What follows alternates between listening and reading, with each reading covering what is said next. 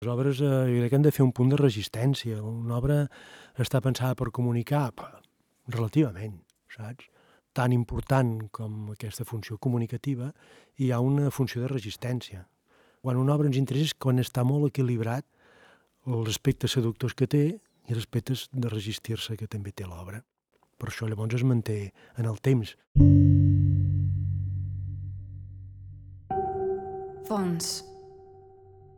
Obres de la col·lecció MACBA explicades pels artistes. Pere Jaume. Clar, això d'autodidacte no té cap ni peus, ni com tampoc té gaire caps ni peus la formació acadèmica, almenys en aquell moment, fet que de la meva generació, que hi ha pocs artistes que hagin fet belles arts, perquè aquell moment tenia força desprestigi a l'escola. Aleshores jo vaig optar per fer una formació més teòrica, de... i fer història de l'art, fer filosofia, també era una manera de venir a Barcelona. La meva formació doncs, va ser part acadèmic i vaig cursar aquests cursos que, de fet, els vaig fer tots, però no vaig ni buscar el títol, perquè no em sembla que, que me'l mereixi. En aquells moments van fer molt poques classes i, i era una relació molt, molt distesa amb la formació, vull dir que era més una formació d'amics, de coneixença, que no va ser un treball intel·lectual gaire profund, que jo crec que no hi va ser. Encara a vegades assumio si em falta alguna assignatura. Dic, és que em deu faltar alguna cosa de segon, o... perquè de tan incompleta que va ser aquesta formació. I paral·lelament amb aquesta, doncs, esclar, ens, ens espavilem tots, no per formar-nos, sinó per tirar endavant. I aleshores, el que has de menester ho trobes allà on et sembla que, que hi ha alguna mina que, que t'estira, no? I jo crec que hi ha una formació molt local, gens intencionada, però sí molt local, d'estimar de, allò més pròxim. No per cap eh, afany panegíric ni d'elogiar res, eh? ni de jerarquitzar una cosa sobre una altra, dir, ui, jo visc en un lloc extraordinari. No, no, no simplement perquè és el més proper, oi? I jo crec que el lloc és un do, com el temps és un do, en ell mateix. Eh? I el lloc jo no, no l'haig de superar, no, no és el meu enemic, el lloc és el meu amic. Qualsevol lloc del món, qualsevol pam del món. Eh? Allà on peses és un do, poder pesar aquí és un do, que jo pesin aquí és un altre do. Per tant, tots els llocs són extraordinaris i tots són equivalents. Eh? Tant li fa el, aquest escenari on ara som, que el cim del Kilimanjaro, que un barri de Budapest, tot és exactament equitatiu. Eh? I em sembla que eh, hem abusat massa de jerarquitzar el món. Eh? Què t'agrada més? Això o allò? Quin país, saps? Eh, si Manhattan, sí. Jo trobo una mica folclòric tot això. Eh? El món té un molt extraordinari en si mateix. I per tant, de seguida em, em va semblar que això ho entenia d'aquesta manera i que en la mesura que vivia en aquell, l'indret que fos, eh, doncs estava molt bé d'aprendre aquell indret. I llavors, doncs, desplaçar-me per allà, mirar d'endevinar quins mecanismes jo em podia servir per generar a partir d'aquell indret, d'explicar aquell indret, explicar-me jo a través d'aquell indret, etc. El que s'ha fet sempre, no hi ha gaires novetats en això. Per tant, aquesta formació local, que jo l'he intentat mantenir fins ara, m'he bellugat molt poc en el món. I d'altra banda, bé, eh, sempre m'has dit molt atret per les construccions verbals, les construccions literàries, que són capaces d'associar coses molt heterogènies, i això m'ha dut esclar els àmbits de la poesia, que és la que és capaç de fer aquestes associacions més radicals i d'acostar coses justament més llunyanes. Per tant, aquesta combinació d'un lloc concret immediat i associar les distàncies, els grans desplaçaments, els grans territoris, sí que ha estat una cosa constant que, que en fi, jo vaig aplicar d'una manera com, com vaig saber, eh? però, en fi, coneixent, doncs, simplement hi havia algun poeta que m'interessava, doncs anava a veure canvi, les meves admiracions anaven cap a generacions anteriors. Eh? Anaven cap a generacions anteriors, m'agradaven figures, algunes mortes, d'altres però sempre més grans, unes menes de pares estranys que jo buscava. No necessàriament gent de gent culta, eh? a vegades també m'ha fascinat molt el món de la pagesia, a mi, des de sempre. Aleshores, sempre he tingut uns referents, he anat corregut amunt i avall aquest país buscant gent per poder parlar, de maneres de cultivar, que sentir-los enraonar, com parlen, com, saps, com funciona el seu cap, quina mentalitat tenen. Això sempre solen ser gent gran, senyores i senyors grans, eh? De la fascinació per la mimesi, la mimesi, oi? Per, la, per copiar l'indret on vius. De ser capaç de reproduir el teu entorn, eh? d'aconseguir una imatge del teu entorn. Això sí que, que era una mena d'obsessió, de, Eh, i em fascinaven aquestes figures, hi havia, al meu poble hi havia dos o tres pintors d'aquests paisatgistes o plenaeristes, i em seduïa molt aquesta figura d'algú que agafa els bàrtols i se'n va als afores i fa una imatge i la porta a casa. Eh? Ostres, aquesta operació semblava d'un gran poder xamànic, oi? I probablement va ser l'arrencada de tot plegat.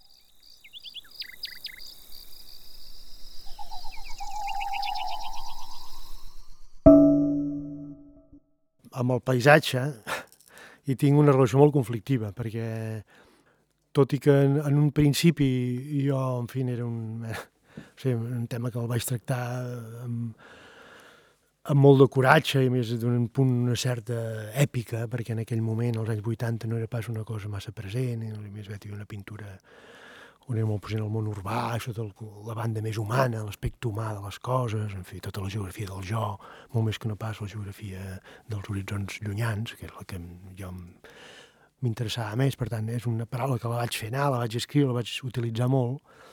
En un moment donat també em va semblar que, no, que me l'havia d'estalviar, perquè em vaig trobar, sobretot als anys 90, que a mi em demanaven d'anar per aquí per allà, a fer taules rodones i debats sobre el paisatge i tot això, i em va semblar que era una especulació pura en un moment que més s'especulava en el territori real, és a dir, el moment de màxima edificació de màximes obres públiques, d'autopistes, de carreteres, de ports esportius, de ports, etc.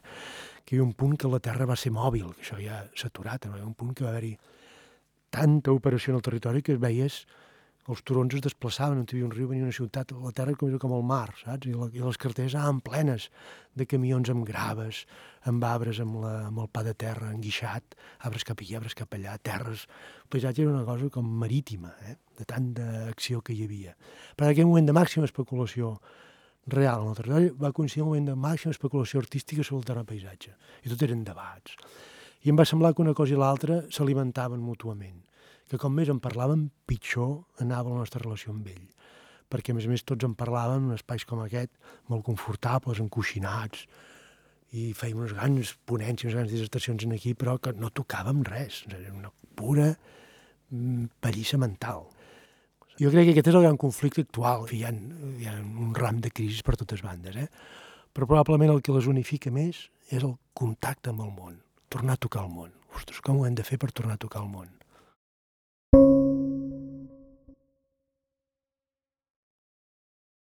La situació actual no, jo no diria que és una derrota, per tot cas sí que és una correcció molt profunda a la idea del moviment modern o a la idea de la formació acadèmica, que creia que tot allò que es fixava perduraria eternament. No? Això ve des de molt antic, la cultura, no només l'acadèmia, sinó la cultura dominant, la, la cultura dels grans estats, oi? la cultura des dels grans imperis antiquíssims, han cregut això, que allò que es feia en pedra, en bronze, que s'escrivia, actualment els que feien formigó, amb ciment armat, jo que sé, tot això perduraria eternament. I ara veiem que no, eh? que, que no hi ha cap certesa de que res perduri. Això posa en, en vigència plantejaments molt més senzills, molt més antics, molt més humils, propis de mons molt més rurals, que deien que només perdura el que repeteix, eh? només perdura el que es passa de generació en generació oralment. Eh? Per tant, cada generació hi ha una tria, i la mesura que la generació següent no visqui allò que ha viscut la generació anterior, allò, com que no té cap interès per ell, es perd. Eh?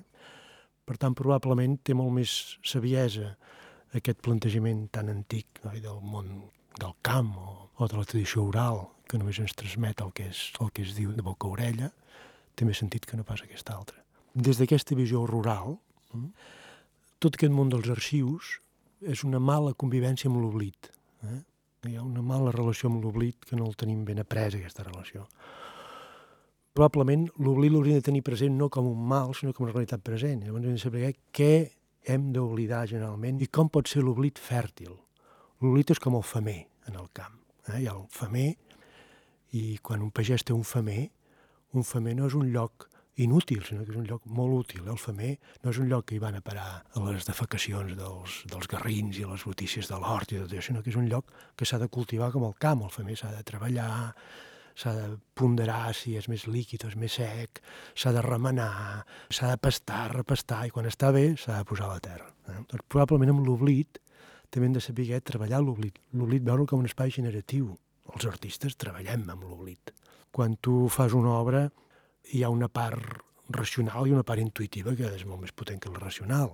Aleshores, quan tu et sembla que resols una obra, justament perquè hi ha totes unes parts oblidades o mal lligades que emergeixen de sobte i emergeixen de l'oblit, o en, un tant per cent emergeixen d'aquest oblit que sembla que broti o lluqui i tregui uns borrons i l'oblit borroni bom, i es desplegui, broti, saps? I dius, ostres, mira que bonic. Per tant, podem de cultivar l'oblit, valorar-lo i no intentar guardar tants materials, probablement és això. Aquests paràmetres agraris crec que són ara actualment d'una vigència extraordinària, perquè sempre que he parlat de coses del camp o sempre que he anat a viure en, en llocs, de, a vegades he viscut temporades amb gent així de pagès, mai he tingut una sensació de nostàlgia ni de, ai, un soc. És al revés, per mi és sempre una sensació absolutament revolucionària, perquè em donaven a entendre un espai altre, saps? Un lloc on hi havia unes, unes formes morals, unes formes eh, espaials, unes formes culturals, unes formes econòmiques diferents de les del món urbà. Eh? Per tant, em servien com a diferència, com a alternativa de diferència. Però semblava que la cultura tractava el món de l'intangible, de l'imaginari, i que això no omplia i punyeta, un platà només. Eh? No només omple, sinó que és limitada la cultura. De manera que són limitats les energies fòssils, també és limitada la imaginació, la creativitat, el marge d'operació de les metàfores. Tot això es gasta, es consumeix. Eh? Una, una metàfora feta anar 40 vegades, a la vegada 5, ja no diu el mateix que la vegada 1. Per tant, fins i tot això es consumeix. Per tant, s'ha d'anar molt en compte en l'ús i abús que fem d'aquests materials. Eh? I la cultura també, com, com qualsevol altre objecte més sòlid o més físic o més sociològic, doncs també forma part d'aquest desgast i d'aquest context. Bé, Compostatge de nou pintures és una obra que jo em sembla que n'hi ha dues o tres més. L'obra funciona com una repintura perquè en la mesura que està trinxada de pintures fetes ja, d'obres ja pintures, teles vestidors i teles ja pintades, la, la trinxamenta recorda molt l'emolició pròpia dels colors, que per obtenir els pigments es molen roques o minerals determinats. Per tant, aquí aquests materials es comporten com a pigments nous o substàncies noves capaces de generar una obra nova que siguin aquests compostatges.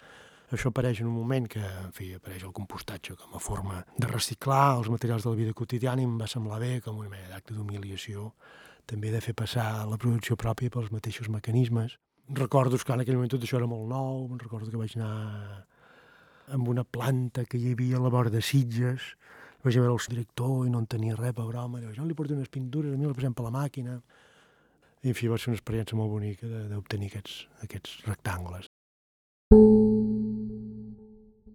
Doncs el postaler és una obra molt formativa del que he anat fent, em sembla que és l'any 84 o una cosa així, i és una obra que pertany a un conjunt d'obres sobre postals, eh? on de fet les postals funcionaven com una mena de gran pintura per una fascinació que jo tenia en aquell moment, una fascinació eròtica gairebé, d'acostar espais heterogenis, no? d'agafar una postal de Xecoslovàquia i una del nord de l'Àfrica i posar-les de costat.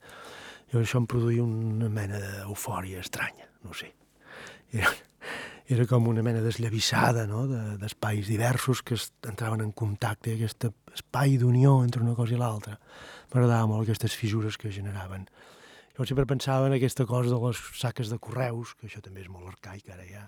M'imaginava els cartells que porten una saca de correus i com les postals es van barrejant entre elles i aquesta fregadissa d'un paisatge amb un altre, a mi em meravellava, ostres, que ha de ser extraordinari imaginar-se que en viu passés això en un moment donat, que els paisatges freguessin entre ells, i llavors també es freguessin les escritures que hi ha sota, no? Les, i esclar, hi ha la imatge i el text, l'escriptura aquesta la postal, llavors, tota aquesta fregadissa em fascinava. El postaler sorgeix com un plantejament que jo crec que associa dues, dues coses, una és la mimèsic i l'altra és la sintaxi, oi? Com aconseguir la imatge d'un lloc en el lloc mateix, i llavors com establir una sintaxi que em permeti d'associar llocs molt heterogenis. Això és una preocupació, en fi, que està molt present en moltes... Jo probablement ho vaig, ho vaig viure doncs, molt bé, per exemple, amb l'obra de Foix. Foix diu tot és u, que és, és això mateix, tot és u, però és que més ho diu en monosíl·labs, eh? per tant, tot és u són tres monosíl·labs, per tant, aquesta cosa és una cosa molt simple, però que és capaç de contenir una realitat molt heterogènia, és, és una cosa poderosa en si. Eh? I per tant, la proposta del postaler aconseguir això, una cosa molt simple, capaç d'abastar, oi? De, és com un ram, no?, que el lligues per baix amb un, amb un filet de, que pot fer un pamet, on cada llavors es desplega i està ple de superfícies plegades, vedades, esbadallades, aponsellades, mil colors, mil perfums, etc. Llavors se'n va ocórrer el postaler, el postaler no és més que un, en fi, un, un, un postaler de Sant Pol, hi ha, un, hi ha una botiga de postals. Les imatges que acompanyen el postaler jo crec que estan fetes amb un sol viatge, hi ha com sempre una ficció, perquè les imatges donen a entendre que jo vaig a peu d'un lloc a l'altre, sempre amb els miralls en la motxilla i el, i el posteller a coll, ja es veu que no és així, però tot cas sí que és un sol viatge, fet en cotxe, amb algunes aturades i algunes caminades llargues, però és un sol viatge de dos o tres dies que vam anar per allà a Banyoles, cap allà a la Garrotxa, i vam tornar. I jo ja no el volia treure més, però va nevar a Sant Pol, me'n recordo que el mateix hivern, va nevar arran de mar, i dic, ostres, avui trec el postaler. Llavors vaig, vaig, el vaig treure i vaig fer alguna foto més a la platja de Sant Pol, nevada amb el postaler i les imatges. Hi ha dues coses que han canviat molt de sentit. Una que és el pes, i en aquell moment vaig fer diverses obres on feia servir una cosa que en aquell moment feia molt efecte, que ara ja no en fa cap perquè s'ha gastat, que era desubicar un element de cultura en un lloc agresta, o un, un element de civilitat en un lloc agresta. Si tu agafaves una motllura daurada, o això, un postaler, o unes lletres, fins i tot unes lletres, ara no fan cap efecte, però en aquell moment sí, agafaves unes lletres, les feies sòlides, les posaves a la motxilla lligades, i te les emportaves a un cim del Pirineu i les foties dalt de tot, allò feia un gran efecte, perquè no havies vist mai, dius, ostres, carai, saps? Llavors hi havia aquesta cosa del pes, de portar-ho fins allà, que jo ho documentava molt poc, això, perquè em semblava que em havia de quedar a mi, però no em havia de fer res la gent. Però el resultat s'hi veia, s'hi veia tot el procés. Quan tu veies una foto d'una cosa pesanta en un lloc agrés, ja t'imaginaves que hi havia l'esforç de fer-la. Llavors hi havia la, la fotografia que, que actuava com a document. Oi? Tot això avui en dia no té cap dels sentits que tenia, els ha perdut tots. Primer, el, la fotografia no té valor de document perquè un retoc es pot fer la cosa del pes tampoc, perquè immediatament després jo vaig deixar de fer aquestes coses al, als finals dels 80, perquè va ser com va sortir publicitat, sobretot del món dels cotxes, va començar a fer molta publicitat de posar cotxes en paratges agrestes. Eh? Posaven un Fiat a dalt d'una carena o en un desert, eh? i fotien un cotxe d'aquests tan polits en un lloc molt perdut, per tant, l'hem deixat operació. I llavors que la publicitat usa ja es menja la metàfora immediatament i no fa cap mena d'efecte. Per tant, tots aquests recursos van quedar consumits en un moment, eh, un tres i no res. A l'espai museogràfic, l'obra funciona com, com una elegia. Per tant, les coses ens sedueixen molt per la pèrdua i llavors funcionen molt elegícament. Llavors, quan tu estàs a l'obra i tens la presència de l'obra i alhora la pèrdua d'una vida que aquella obra havia tingut, tot allò dispara mecanismes. Eh? Per això crec que el postaler a vegades, a vegades m'havien demanat no, posem-lo a l'exterior, sempre no l'he hagut exposar mai a l'exterior, només l'acció que va haver-hi i, i prou. I en el cas del postaler hi ha, a més a més, l'avantatge de que la mateixa informació, la, les fotografies del postaler que descriuen l'acció, com que jo les posava molt arran del postaler, quedaven reflectides en els miralls. Per tant, l'acció també quedava incorporada en l'artefacte. Eh? I com dius tu, quedava l'espai d'exposició, l'observador, i a més a més quedava incorporada la, la memòria que jo havia fet. Per tant, quedava tot molt ben lligat, en un lloc de material no resolt, però present, que ensenyava el conflicte, eh? I, el conflicte és el que té interès de, de la peça, jo crec.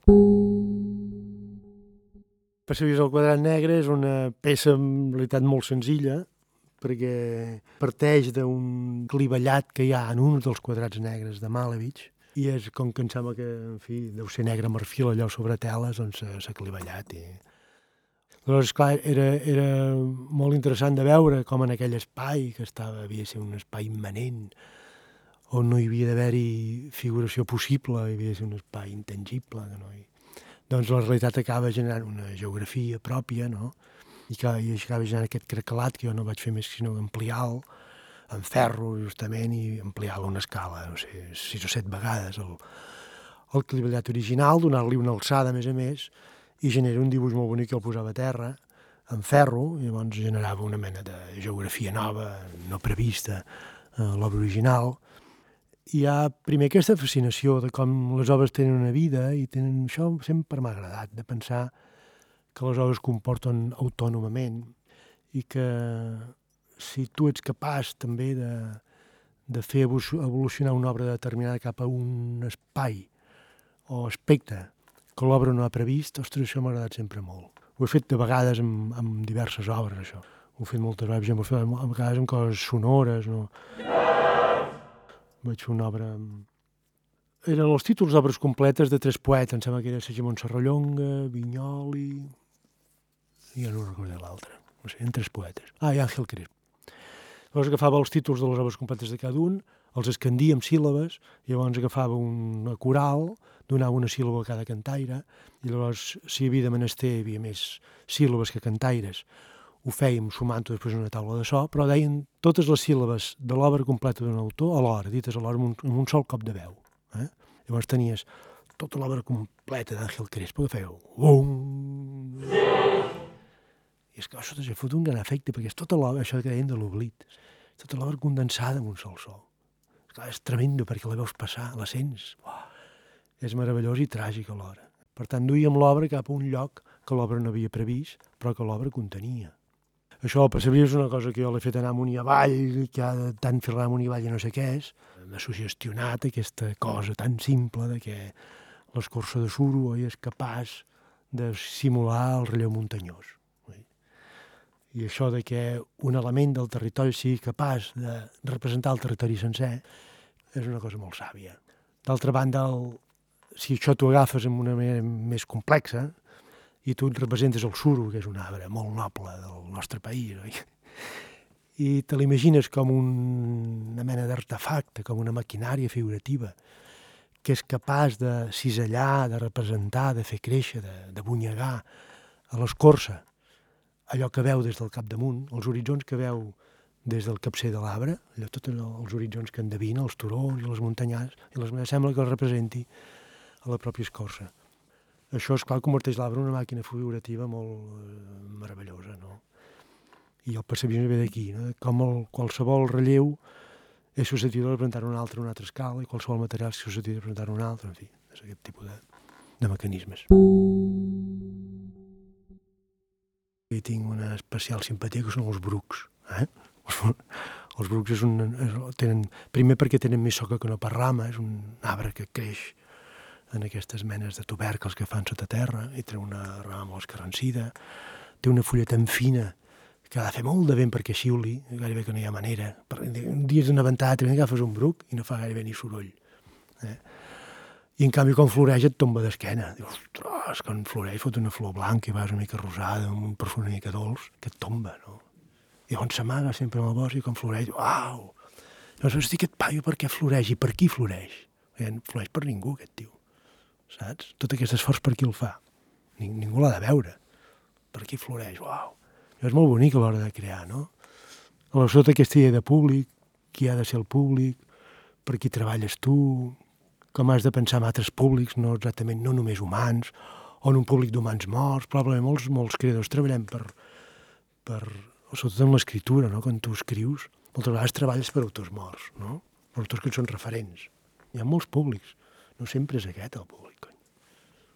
Eh? I si ha de ser aquest, en tot cas que sigui molt variat, que no sigui aquest públic que tenim al cap i el món de l'art el té especialment, aquest públic que s'ha de triomfar, aquest públic, oi, que no saps on para, oi, com una mena de platea mundial que ho cobreix tot. No, en tot cas, públics petits, diversos, els veïns, no? els amics, el barri, tota aquesta xarxa de públics que hi ha hagut, que s'han anat creant amb els anys, sobretot que no desapareguin aquests públics concrets en funció d'aquest públic tan jeràrquic que fa que si només hi ha un públic, només hi ha un escenari, i si només hi ha un escenari, només hi ha tres artistes, o quatre, o cinc.